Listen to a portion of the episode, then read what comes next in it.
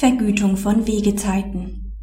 Ändert sich der Ausgangspunkt der Reisetätigkeit eines Außendienstmitarbeiters, so hat dieser Umstand regelmäßig keinen Einfluss auf die Vergütungspflicht des Arbeitgebers für zurückgelegte Wegzeiten.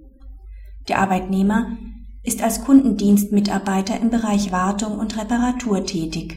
Er war zuletzt in der Niederlassung W eingesetzt. Von dort aus führte er sämtliche Kundenbesuche durch.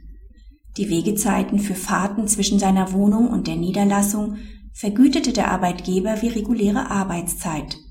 Ebenso wurde die gesamte Fahrzeit von der Niederlassung zu den Kunden und zurück als vergütete Arbeitszeit anerkannt.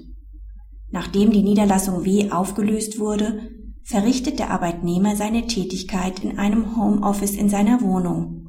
Die dazugehörenden Kundentouren startet und beendet er dort. Nach einer einschlägigen Gesamtbetriebsvereinbarung erhalten die Außendienstmitarbeiter nach der Schließung der Niederlassung Fahrzeiten zum ersten Kunden und vom letzten Kunden zurück nur vergütet, sofern sie 30 Minuten übersteigen. Der Arbeitnehmer ist der Auffassung, dass ihm nach wie vor eine Vergütung für sämtliche Fahrzeiten zusteht. Das BAG gibt dem Arbeitnehmer Recht. Die von den Parteien im ursprünglichen Arbeitsvertrag vereinbarte Vergütung für Wegezeiten zwischen der Wohnung des Arbeitnehmers und der Niederlassung gelten auch für den Fall, dass der Kläger unmittelbar von seinem Wohnsitz aus anfährt. Es ist nicht gerechtfertigt, die Vergütungsabrede insoweit einschränkend auszulegen. Die Reisetätigkeit gehört bei Außendienstmitarbeitern zu den vertraglichen Hauptleistungspflichten.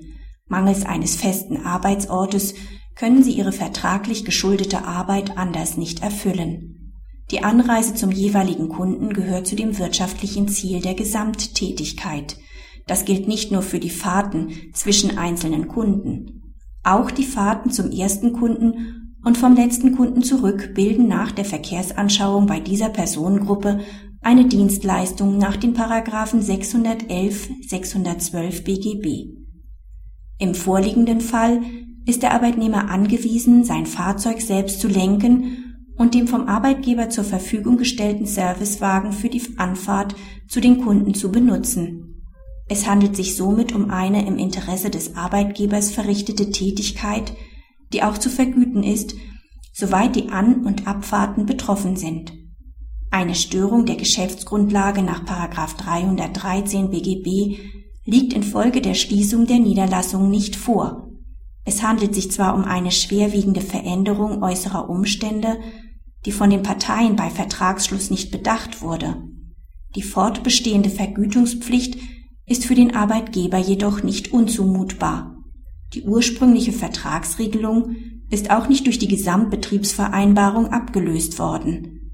Die individualrechtlich bestehende Pflicht zur Vergütung von sämtlichen Anfahrts- und Rückfahrtszeiten ist für den Arbeitnehmer günstiger.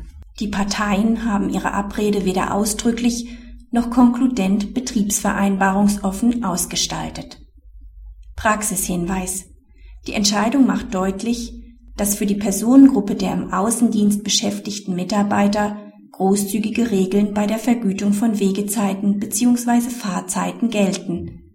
Die Frage, ob und inwieweit durch eine ausdrückliche individualrechtliche oder kollektivrechtliche Vereinbarung vergütungslose Zeiten festgelegt werden können, hat das BAG in der Entscheidung nicht angesprochen, da es sich insoweit um eine Ausnahme von der gesetzlichen Regelung handeln würde, wären entsprechende Einschränkungen wohl an den Bestimmungen des AGB-Rechts zu messen